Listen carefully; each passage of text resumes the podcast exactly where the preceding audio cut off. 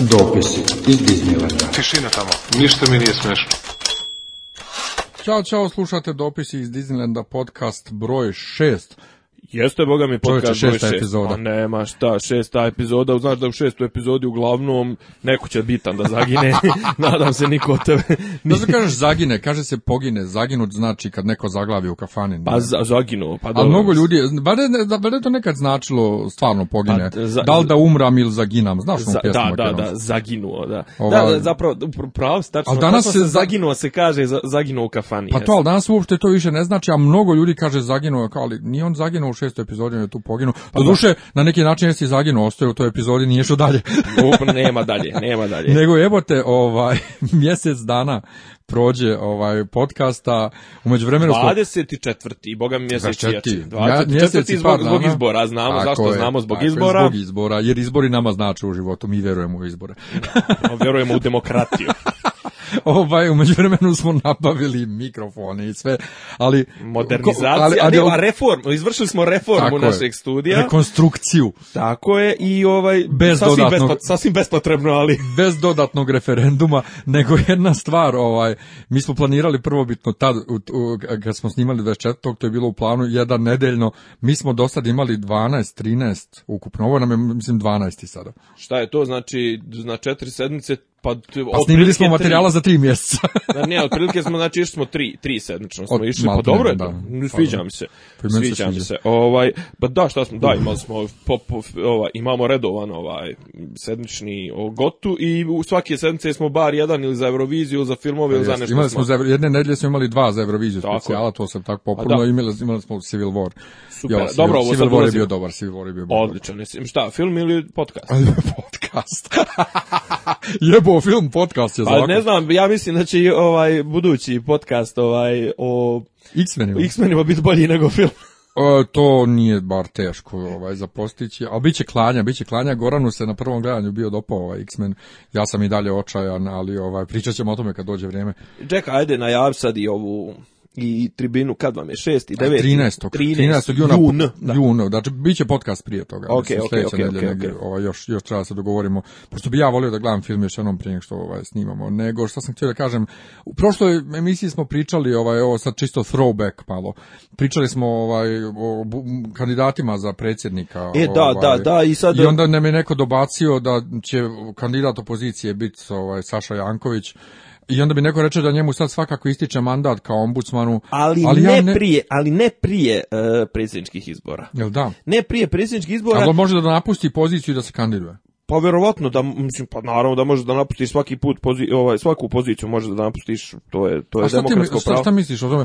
Evo mislim ja, neki, ja intervju jutro sam krenuo da čitam iskreno rečeno međutim video sam da piše životna ispovijest i onda ja kad, pročitam to mene se smuči životna ispovijest Saše Radulovića, bože Saše Radulovića, Saše Jankovića i onda sam skapirao da i to je na jedno 14 strana i nisam ovaj nisam uspio da da to sažvaćem, a on kao kandidat šta ja znam, znaš kako, on ima malo problem kao i kao i Radulović, mislim da ima taj problem recimo da ne bi bio dobar za javne nastupe, ne bi bio dobar, ne, malo mi je neharizmatičan, mislim, on to toliko razložno sve objašnjava i mogu da kažem i da je, ovaj, da se izuzetno se pozitivno, izuzetno se dobro nosio sa onom eh, harangom što je Informer provodio nad njim, ali pa pitanje je da li može, da li može on to da iznese. Mene recimo više zanima, evo, baš sam ovaj iz, iz, iz pobuda da budem što bogatiji sa temama i sa mišljenjima u podcastu,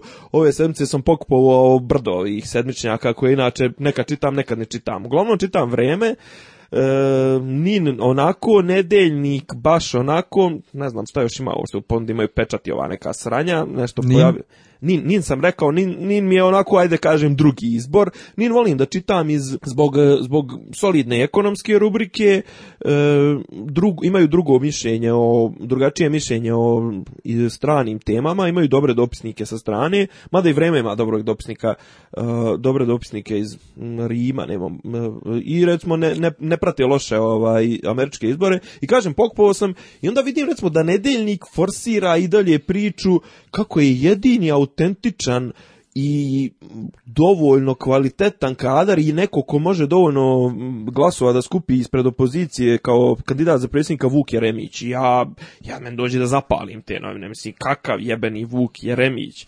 I kažem onda, opet onda se vrtimo i, i ponovo ćemo se vrtiti u, istom krugu ko je dobar kandidat opozicije. Ne, ali meni samo za Slašu Jankovića on je meni ovako jako drag zato što je stvarno radi svoj posao, ovaj kako treba kažeš, super je izdržao ovaj I, mnogo fini čovjek. Jebanje od strane informera i ovaj profesionalno radi. Da. I onda izgubio bi u mojim očima nešto kad bi se kandidovao za predsjednika, kad bi otišao neminovno u te vode, uhvatio bi se s njima u kolo i meni je to onako... Onda, onda bi značilo da je onda bi značilo da je zapravo i ovo što je radio, radio iz neke opozicione e pa, agende, e pa to bacio bi sjenku na to. Tako, Tako je... da nadam se da to nije istina. Ali, ali e, šta je kvaka kod, kod e, tih cijele te priče oko, oko predsjedničkih izbora, tu je očigledno našem narodu, našim političarima nije dovoljno kad su, nije dovoljno izbori, nije dovoljno, znaš, no moraju non stop u kampanji da budu i e, zašto, sam zašto je interesantan Saša Janković?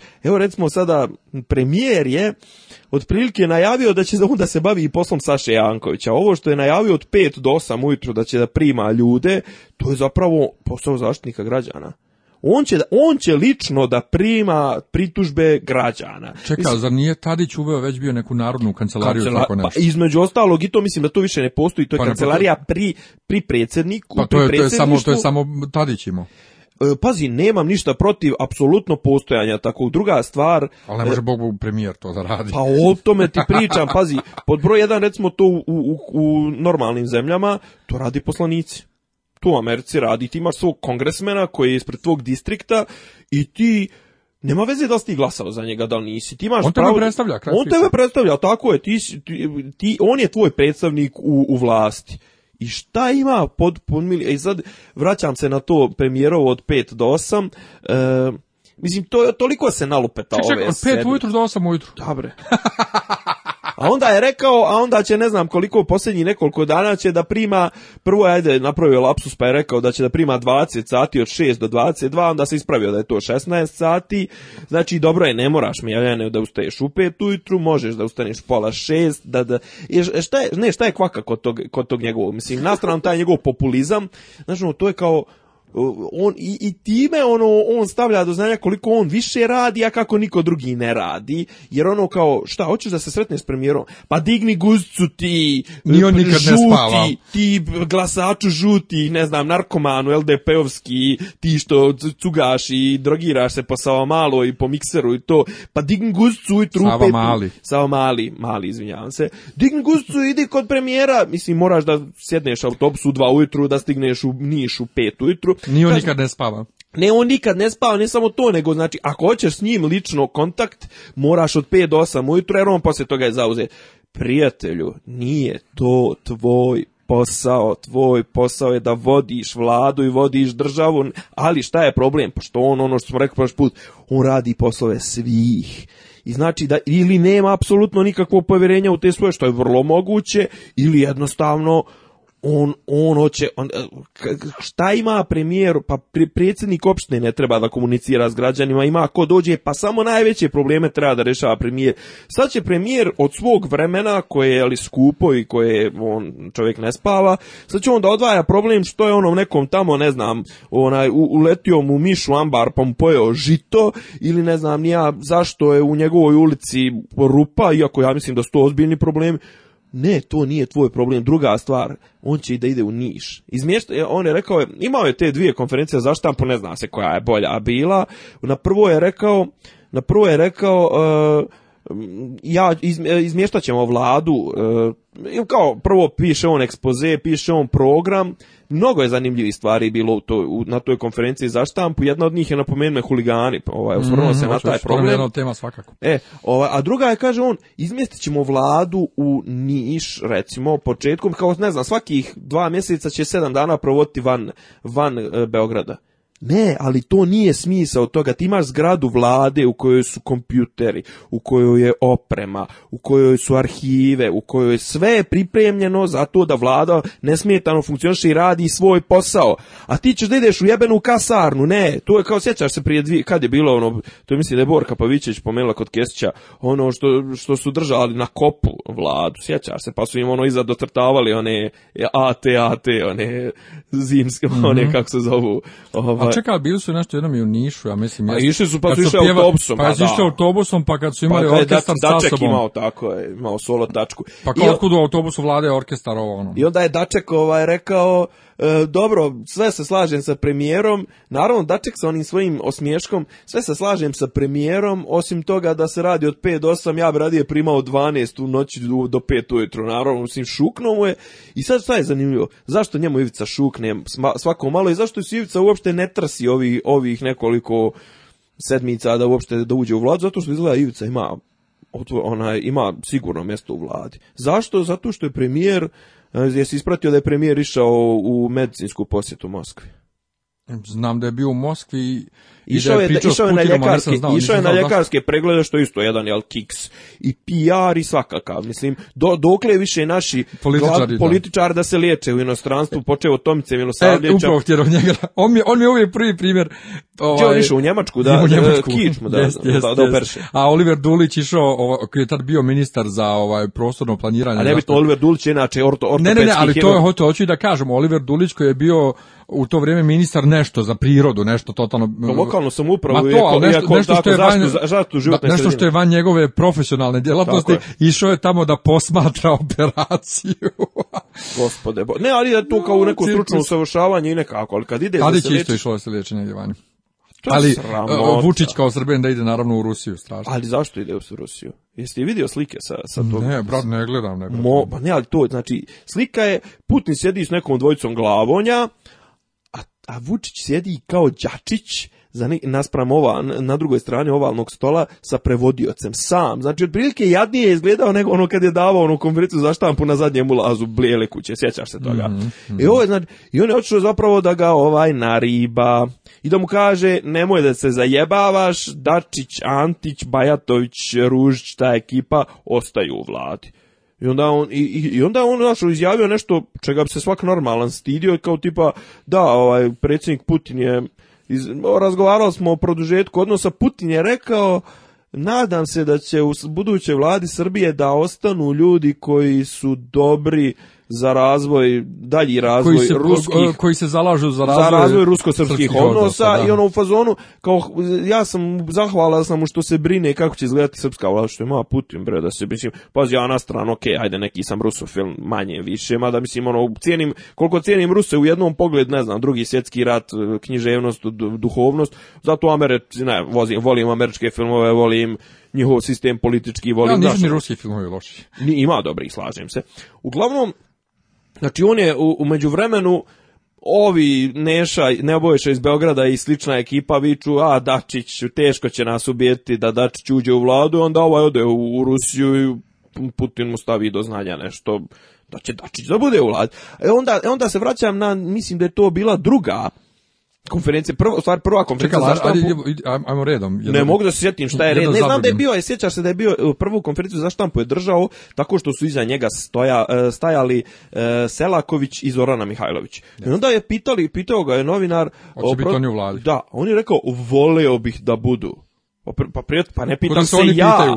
Pa da se, neko da pa se oni sami pitaju. Neko da, se neko drugi sem njega pita. Pa to, na kraju se ispostavilo da se ipak neko drugi sem njega pita, što je po meni zabrinjavajuće. Znaš, ono, čekaj bre prijatelju, znači, vladu Srbije ne sastavljaš samo ti, ti koji si svemoćan, ali ipak nisi toliko svemoćan. Zašto? Zato što kad te pita čovjek, pitate novinarova jesi li, jesi li, hoćemo li se boriti protiv huligana, on je rekao, pa ako napišem u ekspozeu, mislim ekspoze, o kao bi, ako ne izvinućemo ćemo, se ovaj, narodu i reći ćemo mi to ne možemo. Prije, ček, stop, stop, zaustavi sve. Da, to je ona prva, prva preskonferencija, tamo negdje 23. maja, tako nešto bila prije pet dana, kad je rekao treba nam borbena vlada i da se bori... Onda borbena vlada. Druga stvar je vidio kad je potegao neku knjigu, ona je čitava od jedno 500 strana, analiza stanja u Vojvodini, a unutra verovatno ništa nema ili neki ono lorem ipsum što bi rekli. Ovaj, čekaj, znam, ti, ti priznaješ da ti ne možeš da se izboriš, ti koji si najmoćniji, ti koji ćeš e, onda naravno, u međuvremenu je bio i e, bila je e, ovaj ne bože predsjedništvo, glavna skupština SNS-a je bila gdje on otprilike ponovo stavio do znanja da može biti lojalan, može biti ne znam ti ja šta, da od toga ništa ne zavisi, da će on stalno mijenja ono što smo pričali prvi put kad smo pričali o izborima, on stalno drži te svoje u strahu da će da ih zamijeni. I sada je recimo izabrao je, znači svi koji su do sad bili potpredsjednici Selaković, eh, Zorana Mihajlović, eh, ne znam ko je još bio, niko više nije potpredsjednik, sad su potpredsjednici neki ljudi potpuni anonimusi. Potpredsjednik SNS-a je postao tip koji je prije do dana bio DSS, neki Jovanov, neki iz, neđe iz Vojvodne, nemam pojma. I onaj bre nesretni Marko Đurć, onaj, onaj slino, onaj za, za Za da. da. Znači, i kao šta je fora, ovi što će biti u vladi neće, ne mogu da budu u stranci. On bukvalno ima s jedne strane ima potrebu da, da da vlada tako što, što će sve ostali da drži u, u, u potpunom rasulu, znaš, da ih drži u potpunom strahu, a onda s druge strane stalno nešto kuka za tim što niko kvaliteta neće da dođe u SNS, pa neće kad ga tretiraš ko krpu, mislim, svoje najvjernije saradnike ti, znaš, gledaš i kao potencijalnu konkurenciju. I ono, ali ono oni jesu potencijalna konkurencija. E, vraćamo, se, jesu, na Zora, vraćamo se na Zoranu. Ne, ali zato što oni jesu potekli iz takvog miljea oni su se, on je potekao iz takvog miljeja, oni to on je, on oce, on, on je ubica. Pa to, i za on, je dupli, se on je dupli oce ubica, on je prvo napustio radikale i zajebo prvo vo, Voju Šešelja, a potom je zajebao I, tom. i, i Tomu, tako da zapravo ako je on ikakve političke životinje od, odhranio, on je odhranio oce ubice, znaš, pa da, tako da, okej, okay, ja razumijem. da se boji. Pa razumijem.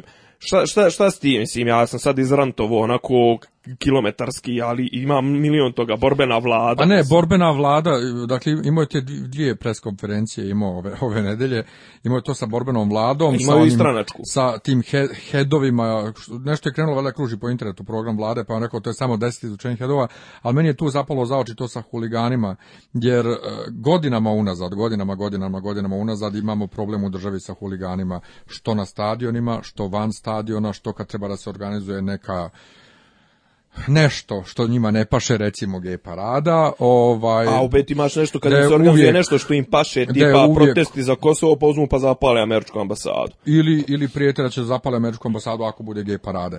Ali kad god su huligani prijetili da će da bude nereda kad je gej parada ili nešto slično, E, država je popustila. Uvijek uz rečenicu da država ne popušta huliganima i da je država jača. Čeka ako je država jača, zašto onda iz bezbjednostnih razloga popuštamo. I sad on otvoreno kaže da on nema aparatus da se bori protiv huligana. Šta to nama govori? U kakvoj mi državi živimo?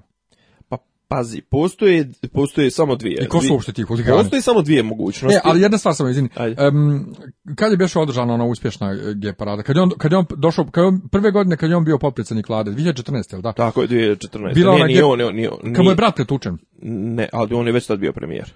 Bio premijer. Pa zato što je parade uvijek septembru, oktobru, a on a izbor su bili neki neko proljeće. A ma možda to 2013. Ne, ne 2014. Nije nije ovo. Ali svejedno da li on bio godine. Da, svejedno da li on bio potpredsjednik vlade ili bio pre, on je bio šef. Bog, da. Ovaj to ono kad su njegov brat i brat malo pretučeni, mm -hmm. to je G parada koja je prošla bez ikakvog incidenta, Tako bez je. ičega, ništa ništa nije je. bilo. Jer bio što nisu došli huligani, nije ih niko zvao. Pa tad nam je trebalo za nešto, trebalo nam je da li za otvaranje pregovora sa EU ili tako. Zvanično otvaranje pregovora, jeste. Ali svejedno, zašto huligani nisu došli, nije ih niko zvao. Ne, pa, ili im je neko rekao nemojte dolaziti. Svejedno, taj koji njima daje nalog nije dao nalog. Hoću, da kažem, postoji dvije opcije, postoji dvije mogućnosti. Ima recimo jedna je zanimljiva, je to, e, jedna poveznica je za prvu opciju, prva opcija je da, da konkretno vlast kontroliše huligane, e, I sad ima jedna zanimljiva stvar, a to je recimo da je konačno E, izabran je novi predsjednik e, Futbolskog saveza, to smo i konstatovali prošli put, i to je Kokeza.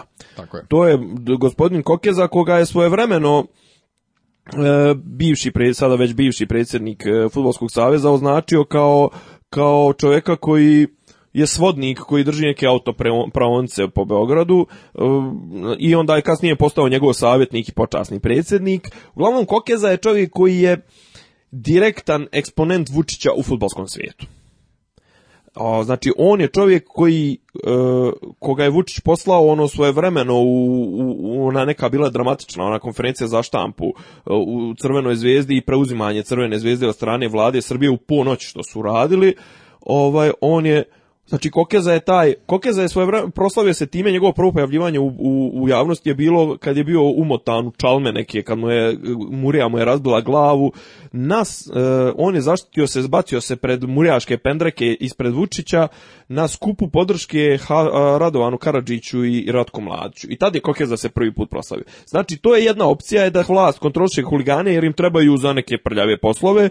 Neki dan, neko večer opet bio ovaj bio je insider sa svim onim momentima vezano ovo za partizan, za premlačivanja, za te oslobađanja, za znači to sve ljudi koji imaju 20, 30, 50 krivičnih prijava, a druga stvar je, druga mogućnost je da i dalje postoje postoje strukture u Srbiji koje su jače od vlasti, a to su neki DB-ovci preko koji kontrolšu te dilere droge koji su zapravo navijači, znaš, ono, ljudi koji imaju, zašto, kontrol, zašto ih kontrolšu, treba im da prave sranja, trebaju im da prepadaju koga treba, finansiraju se, ona, imaju izvore žive love kroz tu trgovinu droge, tako da, znači, ili, ili Vučić ili neće da se bori protiv huligana jer mu trebaju za nešto ili i on sam priznaje da postoji neko koji je jači od huligana e, jači od države, a to su huligani, a zapravo iza njih je ta ovaj državne strukture, strukture državne bezbjednosti onda prijatelju daj nekom ko može, mislim odstupi jebi ga. Pa ne daj nekom ko može, da li država uopšte hoće da se bori, to je pitanje. Pa kažem, da li njih koristi ili znači kao šta, biće mrtvi glava, pa čekaj, mislim biće mrtvi glava, to je bre čak i ovaj nesretnik što je baš u Insajderu je to rekao ovaj što liči na Džaba the Hata, ovaj Vladimir Vuletić, on je profesor sa pravnog, a inače inače u upravnom odboru znam, eh, znam, Partizana. Znam, znam. sam od smeha neki dan, eh, ali doćemo do te teme Partizan i sranje u Partizanu, može. Da, ovaj, da objasniš šta je bilo, ovaj, prevodio sam vijesti, da vi Vladimir Vulić, kao nije to valjda ona je pošto ja njega znam iz neke lijeve priče i on se još kao klinac stravično ložio na Partizan, ali to je, to je lijepo da čovjek koji se loži na nešto onako besobučno na kraju uspije u tome. Pa znam, ali, ali, mislim, ali ima scena ono iz slačionce Partizana kad on drži baklju ili tako nešto i peva navijačke pesme Partizana, a on čovjek izgleda, mislim, vidiš da nikad životu se nije, možda se bavio sumarom, obrazovanjem. Ne, ne, nije bio toliko da ovaj, kao student.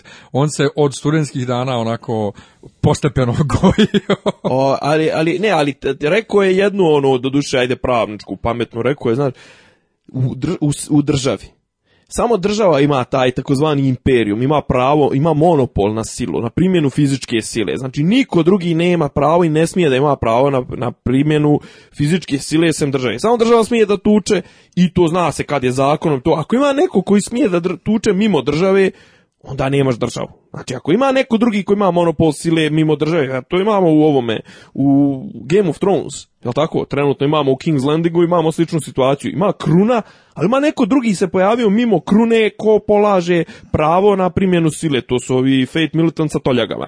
I to mora da rezultuje građanskim ratom ili nekom razmircom ili, ili preuzimanjem vlasti. Znači, nema, nema dalje. Ovo, ovaj, I kažem, i sad je ovaj najavio je borbenu vladu, borbenu vladu, šta će ti da se boriš protiv ovih e, nesretnika što protestuju protiv samo male, mislim, pohvaljujem sve ove odzive. Juče je bila, ne znam, bili su biciklisti su isto, isto imali neki protest dole na Savskom nasipu i kažu da ih izuzetno dosta se pojavilo. Biciklisti su jebena, jebena sekta, ne, ne, ne, ne oni su organizo, oni su brato organizovani već godinama. Oni su opasni. Imam druga iz Novog Sada koji je u tom nekom pokretu, onom biciklističkom, da, da, da. Ali ono novosadski biciklizam, kako se to ima, Ima i on posebno. On, on, se oda, on je odatle krenuo i on je tu jako ovaj, isto je pravnik. Ovaj-, ovaj, ja, jako, jako to da što dobro organizovao I on su, kažem, i, i šta ti ćeš sada se boriš protiv njih? Borit ćeš se protiv ljudi koji su protiv Beograda na vodi, borit ćeš se protiv radnika koji traže svoja prava, a nećeš da se boriš protiv jedinih protiv kojih ima smisla da se bori, a to su jebeni huligani. Pa o čemu onda pričamo, mislim, znaš, kao, ako uđe u ekspoze, pa šta je ekspoze, deset, mo, mo, ovih, moj, deset božih zapovesti koje Mojsije... Ali ekspoze koji on piše. Ali kaže, pa znam, ali kao ako ne uđe u ekspoze ništa od toga, mislim ne, ne, ali to kao da zavisi od same teme, da li će ona htjeti da uđe u ekspoze ili neće htjeti da uđe, razumiješ? Ne, ali to da ne i, odlučuje, još uvijek kao ne zna, ne zna šta će mu sve sadržati ekspoze vidjet ćemo. Mislim, kod njega je sve stalno ko da, ko, e, a e, to je ko, ko da piše pjesmu i ledaj vatre ili tigru prestola, kao kad sjednem pa mi dođe inspiracija, pa ću šta će taj lik da uradi. A vi, a vi ćete biti iznenađeni. Tako Znaš, ono kao suspense. Ono... Ne, bit, ćemo, bit ću i ja iznenađen. Pa to kao, da, da, da. da. Svi, ćemo biti iznenađeni. I, i, i, znaš, kad, mi, kad mi Angela Merkel pošalje ovaj ekspozer. Pa to kao da, i kao ne znam ja, ne znam ja ko će biti u mojoj vladi. Pa mislim. I onda kao onda je naravno rekao ono staro njegovo uh, radikalsko, znaš, ono, kao, ha, zovu me mnogi pro, premijerom za toalete, ali ja, ja obećavam, obići ću svaki toalet, A nije to tvoj problem. Hajde da navedemo jedno 16 ljudi čiji bi to problem trebalo da bude prije nego tvoj. U školi prosvetni inspektori. Čistač, pa ne, prekrenemo od prvo Pa od dežurnog, pa od direktora škole, pa od prosvjetnog inspektora, pa od sanitarnog inspektora, pa od e, koji svi vrsta, pa od pomoćnika ministra, pa od ministra, pa tek ti treba da budeš 18 ta karika, znači u tom jebenom toaletu mora da se pojavi u najmanju ruku alien ili ne znam ti nija šta da ti treba da reaguješ na to nuklearna bomba da se nađe u tom toaletu. A sve mimo ispod, ispod toga treba da radi čovjek koji je ispod tebe zadužen Ama za to. on ne treba da bulja u toaletu. Pa naravno, pa to je, ovaj. to je radikalska patetika. Ona, Ali to je, to je toliko fenomenalno, ta njegova patetika i patetika novina koje, koje on upošljava i nažalost mnogi ljudi koje ja imam na fejsu i sad kad kreću ove borbe protiv ovaj, rušenja Savamale i tog Beograda na vodi nesrećnog i svega. I onda se pojavljuju ljudi, nažalost uglavnom bliski crkvi, e, takozvani nacionalisti, ovaj, koji sad ističu kako ovi koji predvode ove proteste, ovaj, ne gušimo, ne davimo Beograd, su zapravo sve e, ovi žuti i prethodna vlast i tako to. što najgore, on se i kaleme na to i meni je to odvratno. Ne, jeste odvratno, stani, ali je meni najjače što oni sada, ovi koji su protiv žutih i sličnih, što sad e, pravdaju svoju, svoje protivljanje protestima protiv Beograda na vodi time što ih što ide Bojan pa-, Pajtić na te na te e, proteste i što koristi u svoje. Ali čekaj, Vučić i ta ekipa koja koja kako se zove, koja gradi Beograd na vodi kažemo ok, Pajtić i ekipa su Pajtić i ekipa su opljačkali, da, ali Pajtić i ekipa su opljačkali državu ono kam, da, ali Vučić i ekipa su prije Pajtića i ovih pljačkali već državu. Ne, i oni su se proslavili oni su se proslavili šlepanjem na proteste tipa Kosovo, tipa e, Radovan, ovo ono, mislim, ok, samo druga agenda, ali su ne, ne, ali hoću da kažem prije nego što je DS bio na vlasti, bio je Vučić na vlasti i pljačkali su državu. Naravno. Ne, smo to zaboravili? I da li je ne, zaboraviti ključno.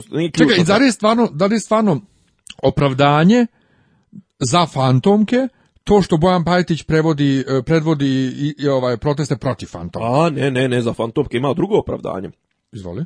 Pa on je krenuo u to ko je, ko je kidnapovo slobu. Ne, ne, ne, doćemo do toga, to nam je sljedeća tema, to sam svakako htio. Nego govorim sad o medijima i o ljudima koji ne vole toliko DS i kažu oni su pljačkali, da je njima, dakle, samo zato što je Bojan Pajdić da protestima protiv toga, ok im je, ne dižu glas, ok, ti dižeš glas protiv Bojana Pajdića, ali brate, ne možeš da ne digneš glas protiv toga što u tvom gradu, brate, ljudi iz Fantomka, jedno čuvar je umro, mm ona čuvar je umro, i sad odjednom od čuvara čovjeka kaže ovi dižu dževu čuvara ono narkoman pijanca šta su već prozvali ga u, u... A kao čovjek zadnjih 15 dana ono, od, od tog sranja koje se desilo kao probeo je na na neuropsihijatriju VMA vezan lan, vezan I, i, kaže, kaže, i kaže, kaže bio je obični alkoholičar. A pa svejedno čak i da jeste bio alkoholičar šta god da je bio pa dok, nekoga, nekoga, je, za, nekoga je bre zaposlio i čovjek je doživio ne neprijatnost, nego doživio je nasilje na radnom mjestu, mislim. I ti, i ti čovjeka mrtvog blatiš u novinama samo da bi a dobro, to je, to je manir, to je manir ovog e, Dragana Jovučićevića. Opet je opet opleo, opet je opleo po, po... Gdje je Nunc, gdje je Unc tu, gdje, gdje je RRA, gdje je Savez za štampu, gdje, gdje su oni? Gdje je Smajlović, gdje Da, gdje su oni? Da. Gdje je Ljilja Smajlović, gdje je Ljilja Smajlović? Na primjer. E, šta je, čuo sam, čuo sam, ne znam da li je, da li je to ovaj, pošto sve ima veze ove sednice, ovaj, čitao sam malo i ve, u vezi sa ovim sranjimo RTV Vojvodini što nismo pomenuli prošli put. I čuo e, genijalnu rečenicu ove, ove sedmice, to mi je rečenica sedmice, mislim da je Miloš Vasić rekao. Kao, njegov predmet njegovog nekog pisanja je bilo šta su se ovi radikali, radikali, a njih stalno radikali, naprednjaci, šta su se uzjebali toliko da, što su krenuli da, da po tom RTV-u smjenjuju ono, nisu još, nije formirana ni, ni, ni pokrajinska vlast, ni pokrajinska vlada nije formirana, već su se tamo krenuli na RTV-u, znači već jedno od deset urednika, e, komplet ekipa koja vodi jutarnji program je smijenjena, bla, bla, bla. I kao, čemu žurba? I mislim da, kažem, mislim da je to Miloš Vasić, ogrešću dušu, možda je čak i Teofil Pančić, ali mi prije više Miličija Miloša Vasić kao, uvijek današnji naprednjaci, tačno se vidi da su na gladan kurac pravljeni. Znači, oni ljudi daj odma, daj sve, daj da, daj da se, daj da zgrabimo što više vlasti, jer otprilike, kao što on kaže u tom tekstu, i on su učudu otkud im ovoliko vlasti, znaš, ono kao ujebote i daj da, daj da što prije, znaš. I sad postoji isto dvije mogućnosti u, u tom RTV-u šta se dešava, postoji mogućnost da zaista e, da je taj, taj sloj između Vučića i ti konkretno ljudi u RTV-u ti taj neka ti neki ovaj srednja ekipa taj neki ovaj kako kako ih nazvao ovaj posrednici da hoće da se dokaže da se dokažu velkom majstoru tako što će prije njega znači da budu toliko revnosni u tim eh, tim smjenama da to odrade prije što se uopšte vlade vlade ovaj E, formiraju, a druga stvar je to da on zbilja učestvuje u svemu tome i da je toliko opsjednut tom medijskom slikom da mu je ta RTV bo, oči ti ne gledaš televiziju, ali RTV je u zadnjih nekoliko godina, i RTV i čak i taj, osnovali su i taj neki omladinski radio, koji kao internet radio, mnogo dobar, tu su ova dvojica što vode jutarnji program Daško i Mlađa, što su bili nogirani sa B92 prije. Ne, Darko i Marko. Nema, ni, ni, ni, to su sasvim druga dvojica. Mentalno razgibavanje? Ne, ne, ne, ne, ovo su oni što su vodili mislim da se na rtv se zvalo, na, na, na B92 zvalo, se zvalo Uzbudilnik. Baš jutarnji, on su došli poslije ove dvojice. On su došli iz radija As, ASFM sa Novog Sada su radili u, u B92, pa i onda je u B92... E, čuo sam za njih, jest, ali, ali prije njih su isto sa B92 sklonjena ova Tako je, tako je, ali kažem, ova dvojica sad tamo rade i RTV je generalno popravio svoj program za, za ne znam, Čeka, ali njihov, ako, njihov je dnevnjak, oni stoje za dnevnjaka. Dobro, znam, znam, ali, ali oni su imali, imali su ono jedan na jedan sa onom Danicom, pa je žena otišla. Otišla je ona, da. A z, Ne znam što je ona otišla. Ona je otišla, mislim da je ona otišla iz nekih drugih razloga, a znam da će, recimo, sad će, sad će da škartiraju Ljubicu Gojegić koja je došla umjesto jedan na jedan. U nju će da škartiraju, imaju tu i još nekih tih emisija, Ova, ima Panović vodi neku emisiju pre, Pres i ja ili Presija ovaj, i generalno su popravili kvalitet, počeli da snimaju neke domaće serije, da finansiraju nešto sad neke vere i nevere, Kupili, kupuju fantastičan program, recimo Indie Office, uh, eh, Office ova serija, američku su verziju kupili, recimo su emitovali House of Cards, o, sa Kevinom Spaceyem, emitovali su ovaj Most, eh, ona švedsko-danski, dansku krimi seriju fantastičnu, kažem ti, ja, ja sam uhvatio sebe, mislim, na kablovsku imam, pretpostavljam da, da ljudi ispod, e, južno od, Dunava i, i, Save ne hvataju tako, to, da im kablovski operateri ne pružaju taj pa signal pa, treba bi, trebalo pružaju. Ovaj, u svakom slučaju zemaljski se više odavno ne može uhvatiti ni preko ovih digitalnih, Uh, uglavnom ja sam sebe hvatao pa tipa 30% vremena što provedem uz TV gledam RTV, ostalo gledam sport. Čekaj, pa kod njih je državni posao? Državni posao, dne, dnevnjak, znači to su dvije ekipe, dnevnjak je ova ekipa... E, Tarzanija. Tarzanija, Zvari Tešić i ovi neki ekipa sa, sa ovog... E, akademije, da, sa, Novosadske. Sa, Novosadske akademije. E, inače, sad su u ovoj novoj epizodi prozivali Istoka Kapalovića koji sirotinju uvodi wireless ali su, I ali su, ali su, I ga tešić. Da, ali su, ali su istovremeno su napravili kiks ovaj, E, su se slikali sa, sa istokom i malagurskim ekipa ovaj istoka će im oprost uvijek a, ali ne ali on da kao tešće nešto se izvinjava ovaj e, koliko sam skapirao kako je došlo do toga kao tipa oni upo je na gajbu nenajavljeno ovo ono i kao onda su mu neki rekli pa što što ga zapravo nisi ispamprčio mislim ono što ga niste ovaj nogu mudupe koga Pavlović ne ovog drugog aha pa koga je koga je Pavlović dovuko Ovaj, tako e, da, evo, preznajavam Pa eto, malo kik su napravili, uglavnom su to klinci, klinci, neki ovaj, klinci iz, e, iz Dnevnjaka, mislim, oni verovatno, ajde, mislim, on znaju ko je ovaj... E, ali ja sam se slikao s cecom, tako da ja, ja ne mogu ništa da pričam. Kako je bilo? Kakav prekid programa. Pa kako, baš da moram to da Prekid programa. E, ali ja nisam htio u prošloj epizodi da kažem, meni je bilo glupo uopšte da pričam da ja idem na Anastasijin rođendan. Cijela Srbija, cijeli srpski internet priča. Je bio na, priča, ne, priča mjesec dana bio, da. unaprijed o Anastasijinom rođendanu, a ja se kikoćem, haha, ja idem na rođendan. Bilo je, pa, znaš šta, e, meni je bilo smiješno, dogovor je bio da se nađemo u devet na glavnim vratima. Ja došao taksijem na glavna vrata, vratar mi onaj hajatski otvara vrata i čeka da ja platim, a plaćam karticom i to traje i traje i traje. Za mene se nižu kola. Ja kad sam izašao od crveni tepih i novinari okupljeni ko na Oscarima, e, krenuli kamere, vidio nisam niko, Karona za mene Palma. I onda smo mi čekali, čekali da uđemo ovaj, nas snađu na spisku, a mi uopšte nismo na spisku, jer smo mi izvođači, nismo ovaj, dobro, Vi, ste onda vjerojatno trebali na spore ulaz. pa nije to bilo organizovano, nego smo zvali to ko nas već angažovao iz cecijenog tima, pa su došli po nas i ne znam ja.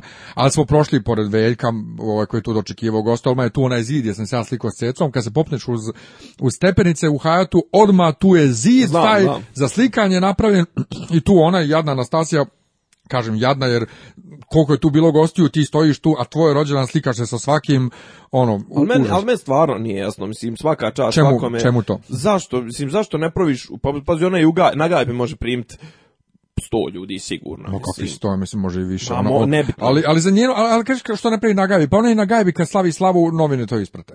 Znaš, ah. a... Pa zna, ali, ali ti možeš to da kažeš neću. Ko, ona? Pa naravno da može, mislim, naravno. Pa, ali, pa naravno da neće, što hoće...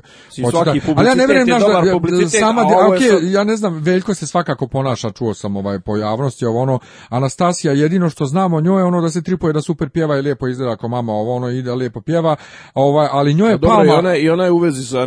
sa ter, sinom, A nje, njoj, je, njoj je palma, brate, donio, znaš što njoj je palma donio za poklon? To je preno, Ne, donio je fotografiju sebe kako nju kao bebu drži. I sad znam se da puniš 18 godina i Palma ti donese kao poklon fotografiju sebe kako tebe drži kao bebe. Jebeni Palma koji možda ti isfinansira ono metku, nemam pojma, da donese ti, Šta ću ja s ovim čelavi i debeli čovjek koji me drži? I onda, ja, mi smo se u garderobi zajebavali 3 sata, od, od 9 do 12 zajebavali se, malo smo išli švedski sto jeli. E, čekaj, jeste vi, jeste, kad je vaše bilo? Na početku ili na kad je ovaj e, kad je išla torta. Ali znači izlazili smo tako malo, ja sam bacio pogled malo par puta u Saldin koga ima, sreo par ljudi koje znam sa televizija, s radio stanica. To Brena. Bren, mislim da nije, ne, ne, ne, nije. Ali sam sreo kolegu iz Bogoslovskog fakulteta koji je u bezbjeđenju Željka Mitrovića, plako sam od smijeha. E, Brena, Brena je u Brena je u u Švedskoj, pošto sam vidio, dru... E, no u Norveškoj, pošto je neki lik, možda i u Švedskoj, neki lik s kojim sam ja prijatelj na Facebooku je okačio, idem na Brenin koncert to. Brena, znači, ne, ne može da napravi taj kiks da se obuča lijepo. Ona pa, je imala, imala, imala, u posljednje vrijeme ima Brena ispade, ispade, ima ispade zato što je uhapsila je nekog dobrog stilistu koji je dobro napravi šminku i frizuru i obuče. Za novu godinu recimo u Beogradu je bila super obučena, a jeste sad, dugo je imala onu frizura vještića metla. Ne samo to, nego znaš sad je nešto je neki neka je haljna, a onda na sredini od pupka do ne znam do vrata je neki dijamanti cirkone mm. neka e, ali dakle, e, pošto je Ceca već dugo poznata kao pobožna, jel te? njeno na je pričao to u svijetu i sve. E, I za veliko rođendan je hor pjevo Mnoga je ljeta. A Mnoga je ljeta za ljude koji ne znaju, to vam dođe kao, kao crkana varijanta Danas nam je divan dan. Pa I ili rock'n'roll varijanta bi bilo ovaj Eh, smoke on the water, tan, ovaj. to je najprostija stvar koju naučiš, mislim. Pa ono. da, ali to je, dakle, to što se pjeva u crkvi za rođendane, eh, na vjenčanjima, ono, da ljudi mnogo godina da budu zajedno, tako je, vladikama se to pjeva i tako dalje, i Ceca je htjela, dakle, kad izlazi torta, umjesto danas se medivan divan dan, da se pjeva mnoga je ljeta. I pošto je hor pjevo veku za 18. rođendan, majki se dopalo i pozvala ponovo. I sad, pošto ja umeđu vremenu pjevam u tom horu, bio sam naravno i ja, i šta znam, izašli smo opjevali 30 sekundi, Of. Pa pazi, Ceca meni deluje e, kao... E, ali mora da kažem nešto... deluje kao profi lik mislim kao gotivan lik u smislu domaćina i to na stranu to što je ona držala oružje zemu A sad ja nju, ja nju toliko, ja nju toliko, moja mačka se zove Ceca, ali to nema veze s tom Cecom, ali ja Cecu toliko ne volim kod mene ono u sistemu uopšte ne postoji, neću da razmišljam o njoj, ali ja nju za jednu stvar moram skinem kapu, a to je za razliku od ovih raznih drugih diva i pjevačica, ona u medijima nikog ne pominje. ona, ona, ona kikseve ne pravi Ona nikad nikog ne pljuje, ona nikad nikog ne pominje. za, zašto, zašto kad, je ona, kad, je, kad su svi ispod nje? Ona nema koga pa- da preskoči, koga da, pa koga pa, po da meni, zamijeni. Pazi, ona, po, ona po meni realno nije najveća naša zvijezda, Brena, neće Brenu nikad dostići i neće nikad moći, ko, eh, znači jedine tri osobe kod nas na estradi koji danas dan mogu da pune svaku salu od Vardara pa do Triglava su eh, Čolić, Bregović i Brena. Znači to su ljudi koji imaju all pass za sve bivše republike, što Ceca ja, ja nikad mislim, neće Ja mislim da Ceca tu samo neće. Ne, ne može. Ceca ne bi mogla Če? u Zagrebu. U Zagrebu ne bi mogla napuniti arenu Zagrebačku. A, bo, a Bojan Rajović može? Ne znam.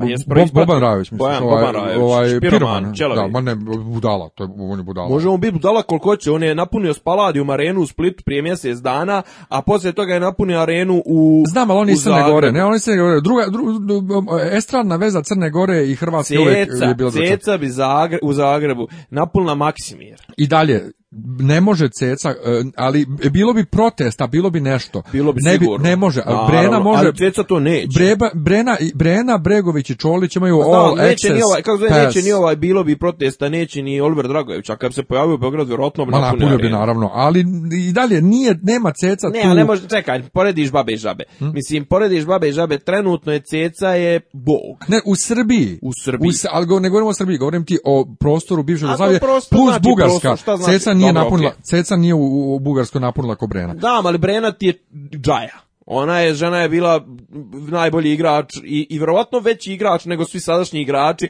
ali ona više nije taj igrač. E, ali dalje ima e, tu staru slavu isto ko Čolić. Pa Čolić, ima, Čolić 15 godina nema da kažem, hoću da kažem, ne zna, e, ima, ima jedna druga stvar koju treba posmatrati, a to je e, Bre objavi jednu pjesmu iz kućnog pritvora, ona se downloaduje milion primjeraka u, prvih 24 sata. I, znaš, mislim, recimo, konkretno šta je meni pokazate najveće zvijezde? E, trenutno novi album CC i novi album Brene neuporedivo je. sva se više čeka? Naravno. E, znaš, govorim, kažem, e, Pele je, kažu, bio ne, najveći, ti, najveći... Ne, to ti sad kao da, evo sad ću totalno bezbeze porediti, kao da porediš uh, Tinu Turner i, i Rijanu. Apsolutno. To, to ti je to, ali, Ma, ali Rijana nikad neće biti Tina Turner, nikad. Pa Tako, ili Ma, Madonu i Lady Gaga, jebi ga, e, mislim. I to, ali nebitno sad. E, slažem se, nebitno sad. Dakle, ja nju toliko ne volim. Ne, ona, ona, meni ona, meni predstavlja, ona je meni, pe, ona je meni uh, paradigma svega loše e, što je vezano bravo, za, za ne, Srbiju. E, bravo, ja sam upravo to htio da kažem. Meni su jednom neka djeca pitala što ne voliš djecu, rekao, ona je simbol idol svega što ne valja kod nas. To... bukvalno tim istim riječima sam upravo htio da kažem bravo, obožavam te, evo, obožavam Naravno. Dakle, ali, skidam kapu što ne pljuje nikog i plus najkulturnije e, to je večer je bila obučena. Evo idite na moj face, vidite, vidite ona ima gomilu onih nekih izreza na haljini, tu nešto što viri koža, ali za razliku ovih raznih klinki i drugarica Anastasijinih koje su sve obučene, ja ne znam što drugo kažem kao drolje, ali to ono koza za matursko veče kad se obuku one neke toalete gdje treba da imaš sise, a nemaš sise. A, pa da grozno. Ceca najkulturnije, dobro obučena i je Ona je tu ipak majka. I um, tako umije da se kreće u tome i tako sva odiše tom nekom ozbiljnošću. Ona je, ono ona je, ja ona je, ona je nadrasla sebe, iskreno rečeno. Ona je žena napredovala nevjerovatno Mislim da je guri smanjila. I, i da, vjerovatno ali ovaj, ne treba njoj to više, jer ona sad stvarno je na, nabila je sebi, nabila je sebi cijenu i nabila je sebi ono, nivo i onda, znaš, ono, vidim da je kao neki dan je nešto je odgovorila.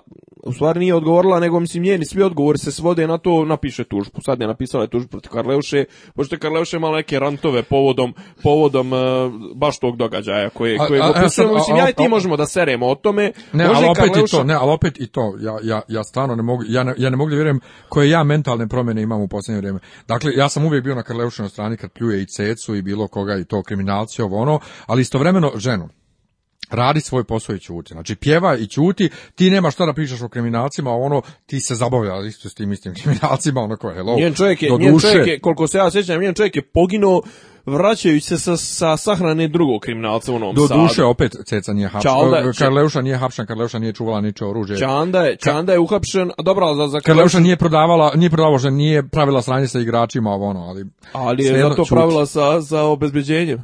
Ha? Pa bila ona priča dok je bila sa Karčem. A to, se, da je uhvaćena u, u, u, ja, u, u, u seksu, tako je bilo U, u džipu. ali pazi, uhvaćena u seksu, to je bila rečenica. E, sve u svemu, tu vidim da je rekla ova njoj sjaši budalo, ova rekla, mislim, možda mi popušiš. Ne, ne znam. Ne, ova je rekla, da, ova je rekla, dobro, sad ću ti ja napisati. Ali kakva god da su djeca ta, kako god da su da je ovaj mali tata i da je ova mala mama šta ti, šta ti, ti ratuđe, mislim, i tvoja svadba kad je bila sa tim istim Karićem što ga pomenu, i od toga je bila pompa, šta me boli kura za tvoju To, to je, samo što to nije pratio Pink koji je ispratio Cecinu svadbu, nego je pratio BK koji je ispratio mm. Karićevu svadbu. Pa, mislim. Pa, logično. Naravno, ali hoću da kažem, ne, kažem ti, Ceca je, Ceca je o, zbilja, ja ježim sa toga što moram ovo da kažem, ali ona je diva. Ona je stvarno diva na našoj sceni, jer kažem ti, ona više nema s kim da se poredi se, ona se ponaša kao prava diva, dakle, ali, ali ne diva ona u smislu ja sam kučka, ja bičarim sad okolo, ne, nego, nego ima, diva ono kao Na nivou, ja, ja, žena ima svoj nivo. svoj sam svijet, niko ne postoji osim mene ovdje kraj Pa realno, u trenutno u Srbiji u, u njenom rangu niko ne postoji. Ne, mislim, ne znam ko bi mogao biti. Mislim, ono, imao si ove neke zvijezde padalce, tipa, ne znam, jedno vrijeme je bio, ne znam, Vlado Georgijev popularan, recimo, ali Vlado Georgijev je... A? to ne, nije vrijedno pomena. Ma naravno, kažem, znaš, ono, taj, taj nivo uh, euforije niko ne izaziva kao ceca. E, kažem, jedini, mislim, nije jedini, nego ja imam problem s cecom to što žena e, na, na stranu što se udala za Arkana, nego što ja mislim da je ona naslijedila svoje Arkanove poluge moći i to preko fudbalskog kluba, preko svih ostalih ovaj derivata i to što se mislim ona nije bre džaba privođena, privođena u sablji, mislim. što mene niko nije privojil tebe. E, ali kad reče e, Arkanove pologe moći, da se vratimo malo na premijera, i na ovu drugu preskonferenciju gdje pominje kako oni koji su angaž... kako je... Ubi... Kako su fantomke, to je strašno. fantomke su izmislili oni koji su... Uhapsili i kidnapovali Miloševića zajedno sa Zemunskim klanom i kako je ubistvo pjevačice strašnije od fantom, bla, bla, ne, jedno veliko bla, bla. Pa ali čekaj, ali zar nisu... Skretanje pažnje. A zar nisu radikali radikali bili isto povezani sa zemunskim klanom. Zašto je radikali su vladali u Zemunu jedno vrijeme ono, a, a Šilerova je u Zemunu. Pa to ne, bila je priča, bila je priča. Tu Šilerova u Zemunu, pa zemunski klan je Zemuna valjda. a pa to. Ne, ali njihovo sjedište, ok, nisu svi. Nisu svi, mislim, imao si Surčinski klan. Sve je poče, počelo, mislim, ta priča... Ne, ne ali on je pomio Zemunski klan. Da, je, od, od, Čumeta i od Surčinskog klana. Ovaj, ne, uvijek je ovaj... E, Šešelj je uvijek se ponosio time kako zna sve i kako je on našu u dosluhu s njima. Nisu oni nikad, nikad nisu dovođeni u, u, u realnu vezu. Druga stvar, e, i to što, što se žuti dovodili u vezu, to je Čeda i ovi, ali očigledno su oni s njima šurovali, paz, moramo se sjetiti da je to 2000, 2001, 2002, 2003, kažu, da je konkretno recimo da je ogromno taj ta količina ogromna oružja koju je zemunski klan imao došla je u podrumu. ne, ali kako je došlo kako je do, kako su on došli do nje 5. oktobra kad je bilo sranje kad se upadalo u stance policije neko je upao u policiju u stancu policije Majke Evrosime i odnio ogroman broj automata, pušaka, pištolja, ovog onog kojima je nestao, ne, nestao je svaki trag i onda su ti automati pojavljivali prilikom tih likvidacija ovo ono od, zna se da su jest jest žut ovaj demokratska stranka oni jesu šurovali sa zemunskim klanom i sa legijom sa svima da je to da 5. oktobar prođe bez krvi jer da je legija izbeo svoje e, svašta bi bilo a Legija je bio jel, veza države sa zemunskim klanom. Međutim, ajde kažem ti, ajde, mislim, znaš, no, ajde onda da se vratimo na to ko je četiri, zašto je ubijen Leka Ranković i ne znam nija kako je stradao Sava Kovačević 44. Mislim, na... Ma ono, kao, braniš, braniš jedno nedjelo time, ono, mislim, to je klasično to na prednjačku, a šta ste vi radili, znaš, ono, nije ja bitno šta da ja radim, šta, šta ti radio, kao ministar informisanja? Evo šta je radio, sjećaš šta je radio, je 16 ljudi da poginu u Pa znam, nego ja ne mogu da vjerujem. neko za to? Ja ne mogu da vjerujem da on čovjek stvarno poteže sve to. I da ljudi padaju na to, kao, koji nam je imao kolektivnu amneziju, ne Absolutno. Znam, pa dobro, ne, nemamo mi bar kolektivnu amneziju, ja mislim da su sačekali ljudi da prođe ovo sranje. Ovi stari glasači koji su se stidili što glasaju svoje vremeno za SP, za radikale, ono sad su na svom. Tako da nije to kolektivna amnezija, nego ti ljudi i dalje misle da je ta politika bila ispravna. To je ono što je najstrašnije. Nije strašno to. Zajebeš se ti pa kažeš Vesna Pešić je rekla glasaj za Tomu, jebi ga da sjebemo ja sam Tadića. Zato, Mislim, nije problem glasaj, ali... Da. Ja sam zato da se glasa javno, da se svačije ime i prezme zna ko je za koga glasao. Ko glasa za SPS dobije bon za ulje, bon za hljeb, da, mu, da kupuju na bonove i da se posebne prodavnice za njih otvore da stoje u redovima i da kupuju. Ali, da kupuju u prodavnicama ovaj, hljeb i ulje, ali da u tim prodavnicama nema hljeba i ulja. ne, ne, da im, da im rekreiramo ugođaj. I da nema kupovine drugdje. glaso si za tu opciju, izvoli tu opciju, mi a, ovaj koji to su neki malo SF ja SF pa ne, ja sam ono, skroz ja ja sam ono totalno a, da to je baš onako kao da, da svakom kreiraš paralelnu paralelnu stvarnost ajmo ajmo ajmo dalje, dalje ovo sad jedna, jedna tema ti kao pravnik malo da razriješiš dakle o, o, imali smo gej paradu da bi se otvorili pregovori sa Evropskom unijom i sve iz, iz, iz mjeseca u mjesec sad ćemo još malo poglavlja da otvorimo sad ćemo poglavlja da otvorimo sad ćemo poglavlja i nikako poglavlja se otvori i onda daju svi e, sve zemlje daju saglasnost da se otvore ova poglavlja o pravo pravosuđu i vladavini prava. Prc Hrvatska ne da. Zašto? Zbog zakona e, našeg e, o ratnim zločinima, da smo mi nadležni e, za ratne zločine koji se svugdje, koji se svugdje desili i Hrvatska se I digne protiv toga. I na hrvatskom teritoriju i na bosanskom i, Hrvatska se digne protiv toga, pri čemu sama Evropska unija nema problem s tim zakonom, zato što i zemlje Evropske unije imaju takav isti zakon i taj zakon nema veze s tim poglavljima, odnosno nije problem i pokušavali su Hrvatsku da ubijede, završilo se na kraju s time što smo mi navodno popustili, bar po pisanju ovaj, NSPM, a i ovaj, večernjog ovog, lista Hrvatskog, a i boga mi bila je vijest iz ovog eh, same Evropske unije da je postignut neki dogovor koji će zadovoljiti sve, pri čemu Oliver eh, Han, ovaj, Johannes Han, ovaj, za eh, komesar za proširenje Evropske unije, ja obožavam kad kaže Evropski komesar za proširenje, proširenje čega je, evo te Vena, a isto. Proširenje proširenje Europske unije e, je rekao postignuto je,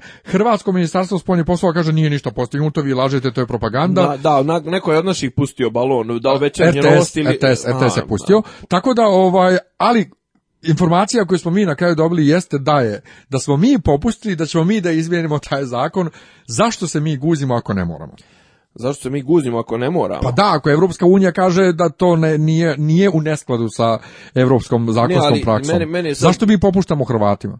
Pa ne, ali je li stvarno neko očekivao da će Hrvati da budu fini prema nama kad su oni konačno u poziciji moći pogotovo poslije prcanja koje su oni primili od Slovenaca upravo to sam htio da, da, da pomenem znaš onaj njih su Slovenci bavali oko Piranskog zaliva 10 godina slali ih na arbitraže još to nije riješeno znaš da je poništena ni stvari Hrvati stupili iz arbitraže zato što je izgleda jedan od arbitara je uhvaćen kako se švalera sa nekom Slovenkom nebitno ili neko neke pare primio ne mogu da se sjetim tačno šta je bilo uglavnom on su odstali od arbitraže kaže i kažem, da li uopšte ikad posmatrao, ali ja za opet moram da se vratim na našu vladu.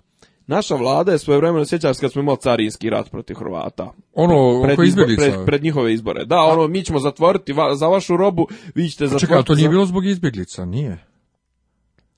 Eh, ba da, bilo je zbog izbjeglica, mislim, ok, bilo je zbog, ne, Hrvati rekli, Hrvati rekli, eh, nemojte nam više slati izbjeglice ovi su rekli, pa mi to ne možemo, Hrvat nama zatvore grancu, onda mi, mi zatvorimo, za, njihovu... mislim, ok, to je sve to, tu s Hrvati u svakom slučaju ispali veći papci nego mi, ali šta je fora, što smo mi tom retorikom smo mi bukvalno gurnuli Hrvatsku u ruke HDZ-a i to je tada odgovaralo jer smo mi popičkali se sa tadašnjom, sa tadašnjom vladom i, i naši su išli uskurac Doduše i tadašnja hrvatska vlada SDP-ovska koja je trebalo da je ljevičarska vlada i da ima malo šira shvatanja je išla da šilji patku i da kupuje pojene e, preko Srba i naravno a onda su naši ovaj otprilike odgovorili dodatno e, nekim ono džonom i šta se desilo desilo se to da ti sad u Hrvatskoj su pobjedili HDZ-ovci ovaj, pobjedili su HDZ-ovci i ti si otprilike od, od nekih tamo blagih Hrvata i to sve dobio si ono maltene naslednike Ustaša. Šta je? I ovaj ministar kulture im je super. Na primjer, na primjer, znaš, i onda, a kao stalno ti nešto potenciraš, neki dan su, jes ti, ti, ti skačio to, molitven Dorčak Aha, kod nas? pa da, Motven Dorčak... Nisam kačio, samo sam komentar. E, pa ali ja sam isčitao tu vijest. Vulin, tu je, ne znam, predstavnik Hrvatske, predstavnik Albanije, ovo ono i kao mi treba da radimo na građenju mostova, na ovom, na onom. Znaš, ono, ti gradiš mostove dva dana, onda ih 18 dana ruši. Znaš, e, mi reći samo mala digresija, pa što vraći na Hrvatsku i Srbiju i Evropsku uniju. Zašto ljevičarima ovdje kod nas smeta taj molitveni doručak i što se to zove molitveni doručak, a ne smeta im što to američki predsjednik organizuje svake godine i ide se tamo kod njega? Pa iskreno meni... Što im smeta to što zove moltveni dočak, to svakako nema veze s moltvom. Pa što se da zove moltveni? Ako, ako pa otkud ja znam što zove, nije bitno, nego me samo zanima zašto njima smeta kod nas, a ne smeta im u Americi, a drkaju na Ameriku i platili bi ono, pa, dupetom da idu tamo. Pazi, u Americi je, u Americi je mi... E, Jer to je, to je ta fora. sekularnost kod nas i u Americi je sasvim različita, znaš ti u Americi imaš, imaš prava zagarantovana ustavom i imaš druga stvar, ti u Americi nemaš, nemaš ovu, nemaš zvančnu, nemaš ti zvančnu religiju. Mislim, tamo je, ok, većina su protestanti. Ali imaš oni hiljadu denominacija njihovih, ja to nikad nisam pohvatao, evangelisti, ovakvi, inakvi, ovaj, i šta se dešava? Ali kažem, kod nas je, kod nas je sekularnost sasvim drugog tipa. U Americi nikad, ne, nije nikad, nego do sad nikad nije bilo i ne vjerujem da će ikada biti E, predsjednik koji je ateista. Ja čisto sumnjam da to može... Da može na parama piše i Trust. Pa na primjer. Na primjer, druga stvar, ovaj, ovo sad kaže, znaš, ono kao, evo, prije je postao crnac predsjednik nego što će postati jevrejn. Prije će postati Hillary Clinton žena predsjednik nego što će postati jevrejn. Neko ko nije iste, e, iste denominacije. Ovaj, ali kažem ti, o mislim, meni apsolutno ne smeta, to sve meni iskreno više, smeta to što praviš, što praviš, ovaj, što kalemiš jednu instituciju koja kod nas nije, nije uopšte onaj, znaš kao dovoziš iz Amerike nešto što kod nas nema niti kakvu tradiciju niti, ima razloga da se zove tako mislim šta je Molten Ne, nema veze mene ne zanima meni je svejedno da li se održava ne održava boli me kurac i za američki i za naš ali me zanima zašto ljudima koji E, koji po, pozdrav, pozdravljaju kad se u Americi dešava i volili bi da su i tamo prisustvovali u Americi na tom otvornom doručku, a kad je kod nas smete im što se uopšte tako zove i odmah ide ako će to da plati. A mene, taj, ono. mene taj američki iskreno rečeno glup sam po sebi ovaj mi je glup zato što je to bukvalno to je stvar prestiža. Kod nas je bre 15 godina je tamo išao Vuk Drašković čak išao i u vrijeme kad više nije bio, nije bio nikakva fora. Znaš, no, to je to je ono skupo ono ljudi lobista i, zapravo tih koji vuku ka, ka Americi. ne, nemam nikako, mislim, ja mislim da je Karć jedno vrijeme išao redovno na taj i ovaj molitveni dorčak, meni je to sranje. Nego da se mi vratimo na osnovu, šta šta rekli smo šta je osnovna tema je što nas Hrvati jebu i što se mi ne, što, mi, nudimo mi, guzice i kad nam ne traže. Što smo mi popustili ako eh, ako taj zakon nije problem. Ako smo stvarno popustili. Pa iskreno rečeno nisam još uvijek shvatio tačno šta se dešava. Jer kažem ti, naši kažu, mislim, kao i ono u vezi sa tim, u vezi sa briselskim pregovorima. Naši kažu, dobili smo super stvari, onda pročitaš ovaj prevode prištinskih vijesti i portala koji kažu, Srbi su nam te ne priznali nezavisnost. E isto tako i ovo je, znaš, ono, ajde vidimo šta će biti, šta, šta, šta će zapravo konkretno, šta će, šta će čisto da izađe, ovaj, neku dobru informaciju da dobijemo, jer ovo iskreno rečeno, što se tiče evropskog puta Srbije, ja mislim da ćemo mi biti ko Turska, mislim da ćemo jedno 50 godina pristupati pa To, jo, kad je Turska 2005. došla pred vrata Evropske unije, oni su usrali. Pa su, a oni su među vremenom vratili jedno četiri koraka. Kao, pa ne, zato što su ovi bili u panici, kao šta ćemo sad, kao nije niko očekivao da će da ispune sve uslove. Da, da, a sad su im postavili opet kao nekih dodatnih pet uslova za viznu liberalizaciju, na ono što je Erdogan rekao, na šta, dobro, nećete nam to, pa dobro, onda ćemo i pustiti ove, mislim, nećemo ih primiti nikad, jer sve se vrti oko te readmisije, bukvalno sad je cjenkanje. Šta će Evropa dati Turcima, e, za uzvrat da Turci prime 2, 3, 5, koliko miliona, mislim, nebitno. Dobro. Ajmo ovaj, e, dalje, malo na relaksirajuće teme, sport. Sport je razonoda. E, bila je izborna sjednica Partizana. Skupštine skupština Partizana, koja je na kraju prekinuta jer nije mogla održi. Ovima, nekima iz opozicije takozvane, nisu dali da uđu uopšte. Savo Milošević je umalo potuko, s, jel s Vuletićem baš? Između ostalog, Znači, da. se nešto za stoko i neki, jedina svjetla tačka je bio neki matori furbaler koji je Petrić, rekao... Petrić koji je rekao, mi, ja bradu, odo u, u šumu, kao kako je to način, mi smo ovdje, ljudi nas gledaju kao sportske legende, bla, bla.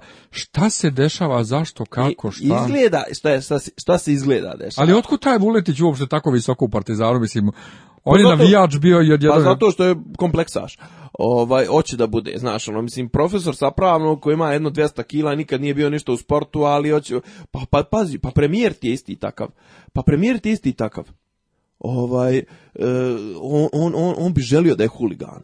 Znači, džaba što si premijer, džaba što si profesor na to nešto ja, to nešto ko ja šišam se na dobro ja na svakako nemam kose, ali šišam e, se na nulu, nosim bradu, istetoviran sam e, i tripujem se, družim se s ortacima s Karaburme, pa opasno tu, Pa ti si Ne, ali, a kažem, Vuletić je, Vuletić je komičan, jer on je, recimo, on je umeđu vremenu, on je uspio da zagadi te odnose Zvezde i, i, i Partizana dodatno, zato što ispaljuje te neke ovaj, budalaštine, ali šta je, šta je kvaka? E, kvaka izgleda da je pukla tikva između kumova SNS-ovskih. Jedna i druga izgleda da, izgleda da je došlo do cijepanja unutar te SNS-ovske frakcije u klubu. Izgleda da su se po, popičkali su se Novak Nedić, sadašnji e, sekretar vlade e, Republike Srbije i njegov kum Vazura a to su inače predstavnici SNS-a bili na pravnom fakultetu, jedan i drugi su bili... Jo, viš, Vazura i Kokeza nisu isti čovjek. Nisu, nisu. Meni u glavi sve vrijeme isti ne. čovjek, zato što imaju to obojca ta čudna Vazura, prezimena. Vazura je plavi debeli što, što su njegovi telohranitelji dobili, dobili po nosu, a Kokeza je mm, predsjednik Futbolskog saveza. Ja, ja. on, je, on je Vučiće. I šta se dešava?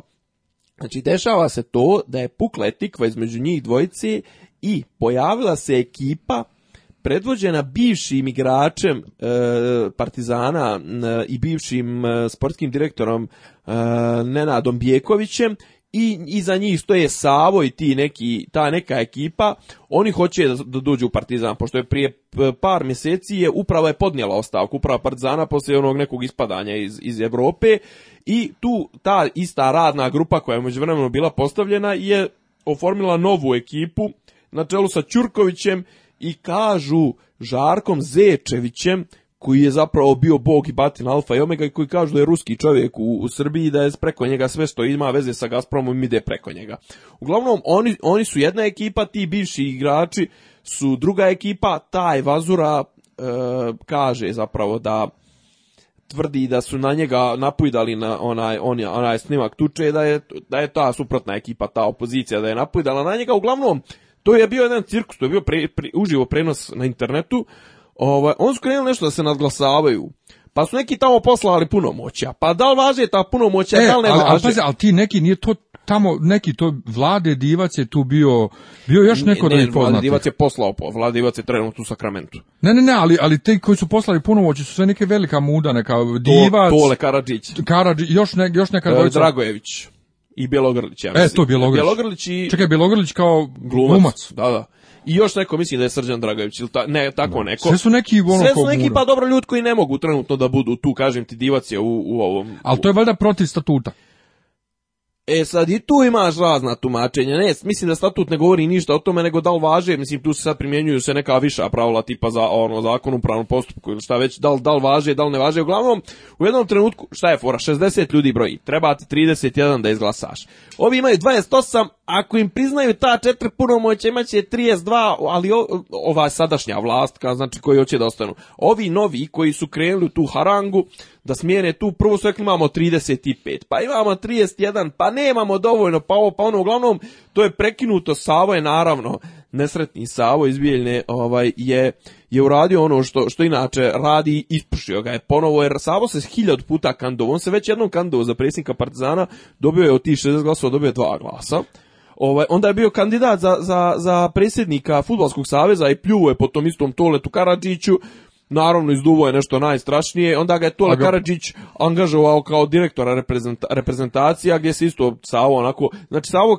pa ga je Savo predložio sad za, za, za za orden. Svetog Znači, Nije Svetog Save da go državni orden, državni Nemanjića, drugog, da. drugog reda. Uglavnom, Savo će god je stigo, Savo se izblamirao, znaš, ono, i na kraju izgleda Savo, Savo i ti još četvrca, što su bili naj, najveće galamđije, neće imati pravo učešća na sljedećoj skupštini, zato što su se ponašali tako što su ponašali, uglavnom, cirkus je bio kompletan. Kažem ti, pogledaj snimak na internetu, ne, to, je bilo to se ti meni, šta ti meni, ja tebi. Da nisu, dakle, da nisu pare u pitanju, ovaj, tu ne bi bilo toliko... Pare, ba pa dobro, ima tu i sujete, ali fora je što, kažem ti, e, ima i mislim, politika, politika, ima, e, navijač Partizana, koga god pitaš, reći će ti da je bukvalno SNS i Vučić su poslali svoju ekipu Partizan, da unište Partizan, Možda tu, možda tu ima neke istine, ali Partizan je trenutno najprofitabilniji naš klub i tu jedino tu ima nekih para gdje ti možda izvučeš nešto, stalno prodaju nove ma, mlade igrače, stalno učestvuju u velikim jakim evropskim takmičenjima, uzmaju pare od UEFA, jedino u Zvezdi nema para, trenutno Zvezda je rupa bezna koja guta pare i nikad neće izaći na zelenu granu, a Partizan je da im platimo dugove. Partizan, Partizan je i i ole i, i profitabilan i kažem ti, i plus ima i to, ima tu i tih poštenih, tih starih igrača koji hoće nešto da urade za svoj klub, ali šta ima u, u, u zemlji Srbiji da nije povezano sa politikom? Nema ništa. Ne znam, ali reče, i nek nam to bude tamo i posljednja tema, ovaj, ostaćemo u sportu, reče UEFA, sinoć je bilo finale Lige šampiona, koju ja Lige naravno ne pratim, ali vidim da su pobjedili oni koje većina publike nije htjela, nešto ovi su, ovi su osvojili o, pa, kup, ovi su nam osvojili srca.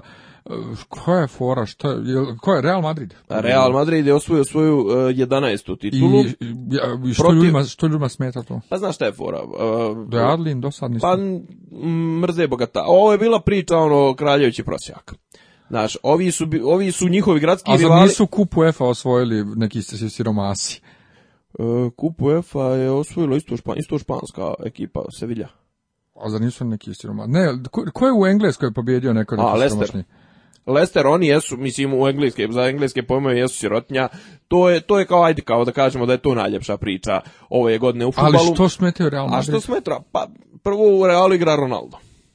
Ronaldo ili... A kad kažeš Ronaldo, misliš Cristiano, Cristiano Ronaldo. Ronaldo. Jer meni kad kažeš Ronaldo, ja dalje imam čelo... debelog Ronaldo, to je, to je takozvani pravi Ronaldo. Pa ja to, pa meni to je meni pravi, Ronaldo. Ronaldo. i originalni Ronaldo i Ronaldo je bog i nema boljeg od, od tog Ronaldo. Ja sam igrao futbalski ovaj, menadžer, premier ligu menadžer 97. Ona su imali u kabinetu informatike u Bijeljni u školi. Jer Ronaldo je tad koštao 16 miliona funti. To je bilo nedostižno Ronaldo kupt. 16 ne, Ronaldo, miliona Ronaldo funti. Ronaldo je bog. Ovaj, a kažem ti, ovo je, šta je, fak, je kvaka? Uvijek je, uvijek naša raja, uvijek navija za outsidera. Druga stvar... Ali ne samo naši, i stranci koji imaju na Facebooku su bili pa razočarani. Pa dobro, prvo kažem ti, navija se za outsidera. Druga stvar, Real je prepotentna ekipa koja preplaćuje igrače, koja kupuje otimati, znači Real, e, ne postoji igrač koga Real ne može da dovede. Ovi ljudi stvarno, se možda dvojice, trojice igrača, niko od njih ne mogu odigrao u Realu, jer su to onako igrači nekog srednjeg šalona Ovaj, treća stvar je kažem ti, ovi, ovi e, protivnici njihovi Atletico je mnogo dobro, oni igraju tvrdo. Čekaj, Atletico isto iz Madrida. Iz ovaj, oni igraju mnogo, mnogo zajebano. Oni su izbacili, oni su izbacili e, Barcelonu, a poslije toga su izbacili Bayern. Dvije možda i najbolje ekipe u Evropi su izbacili.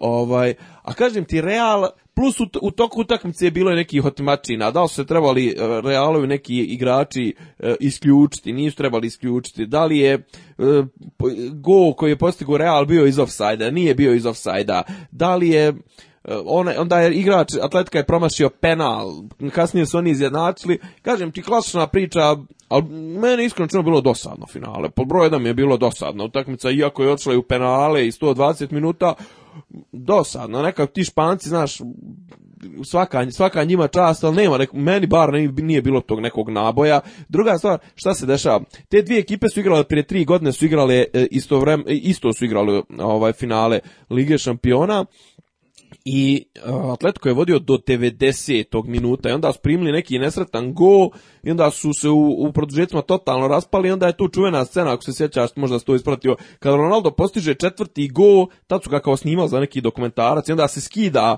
skida majicu go i pokazuje trbušnjake i mišiće, ono kao ponižava protivnika. Jer Real inače ima, tu, ima tu fam, ono, priča oko, oko njih, znaš da su ono, kažem ti, ponašaju se bahato. U dugovima su neverovatnim, ali i dalje kupuju najbolje igrače, otimaju drugim, drugim klubovima igrače, ali kažem ti, ja radije bi gledao neku utakmicu, ono, ne znam sad, Bournemouth protiv Evertona, nego da gledam finale Lige šampiona kad učestvuju samo Španci. Španci, znači, najbolji su, nema šta, već godinama osvajaju ili titule prvaka Evrope, ili titule, e, znači, od četiri kluba u, najbolja u Evropi, tri su Španska, redovno, redovno osvajaju tu Ligu Evrope, ali kažem ti, ja Špance ne mogu da smislim. Dobro, pa evo nas lagano i na kraju ovaj današnjeg podcasta. E, ajde, dva minuta hoćemo nešto da preporučimo. Dva minuta Inače, mržnje. bullshit, bullshit, ne ne mržnje, da preporučimo nešto. Bullshit of the week smo preskočili na početku jer je sve vezano za Vučića bilo bullshit of the week. A bullshit je ovo tipa da će meni je bilo ono kao ja ću da držim sjednice, u, spavaću u kasarni u Niš, ajde da. serije. I, pije, I pisaćeš pismo mlađem bratu. Da. Ko razumije shvatiš. Naravno. Ne znam, ja ću opet da, se, opet da se zadržim na sportu, ovaj, trenutno, mislim, mada ko, ko prati, pratit će bez moje preporuke, ko ne prati, neće, prati, neće mu zanimiti, nego ja sam, ovaj, e, mislim da se preko sutra se igra sedma odlučujuća utakmica u NBA-u polufinale, to jest finale konferencije između Oklahoma s Thundera i, i i Golden State Warriorsa ja sam gledao jutro, zato sam ovako nikakav u današnjem podcastu, ja sam jutros do šest gledao uh, šestu šest utakmicu, znači sedma utakmica odlučuje, dobije, ko dobije uh, četvrtu, pobjeđuje, znači ono best of seven i ko pobjedi ide na Megdan Lebron James, vjerojatno najboljim košarkašu trenutno na svijetu, a u, opet u ove dvije ekipe igraju, u jednoj igra Ste, Steven Curry koji ono, Stephen Curry koji je čovjek fenomen sa 190, ono, pogađa trojke iz, iz, sa 90 metara i možda najbolji ofanzivni, s druge strane najbolji ofanzivni igrač. Kevin Durant uglavnom ulazi se u završnicu prvenstvo ono, NBA šampionat nikad zanimljiviji, nikad jači ko, ko ima sport klub ili ko može preko interneta, e da, evo, preporke moje, ko će da gleda preko interneta, nek mi se javi privatno preko, preko Facebooka ili preko nekako, nek me kontaktira da mu objasnim kako može da gleda. Sve legalno, sve legalno. Sve legalno, apsolutno. e, viš, ja e, sam ne znam šta bi mogao preporučim seriju i to ima trenutno jednu sezonu, sad su izašle neke malo zabrinjavajuće vijesti o drugoj sezoni. Netflixova serija, Netflix postoji u Srbiji od januara, nije skup, možete se pretplatiti, ima super serija. Doduše, katalog za Srbiju još uvijek mnogo manji nego mnogo američki.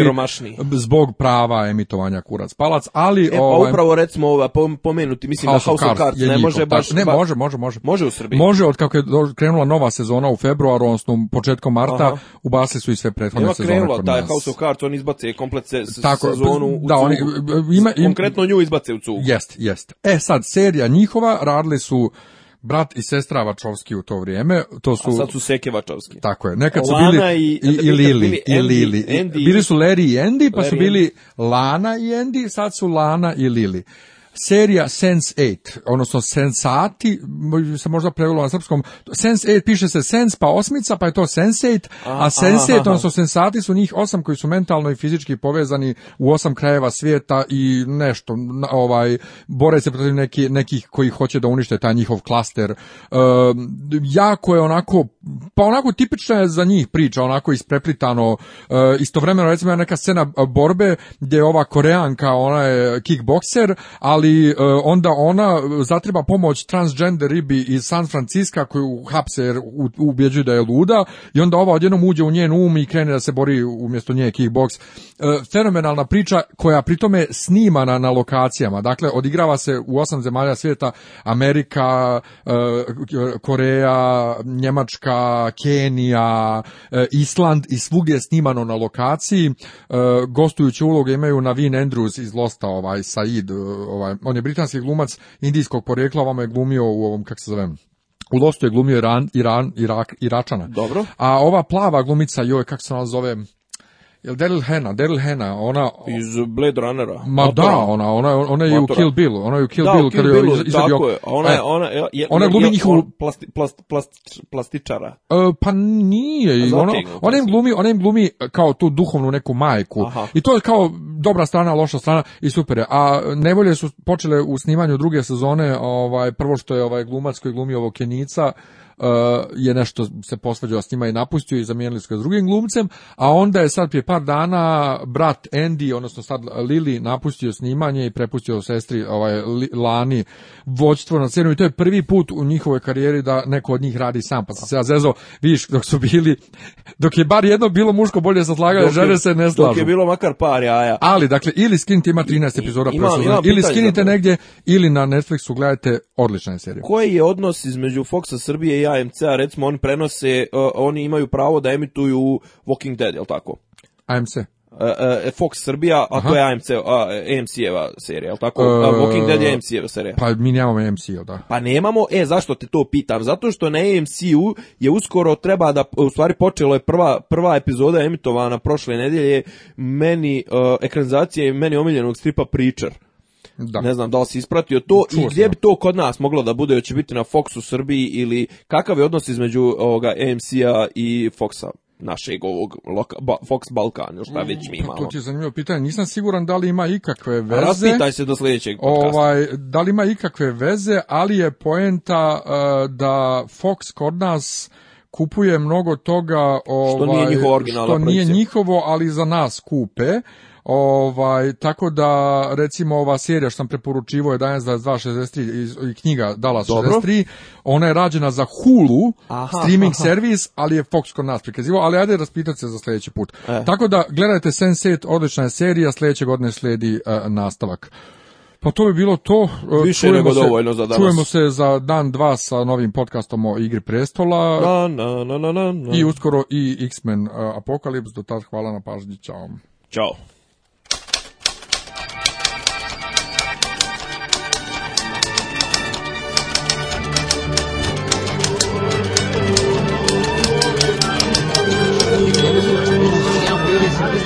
Oh,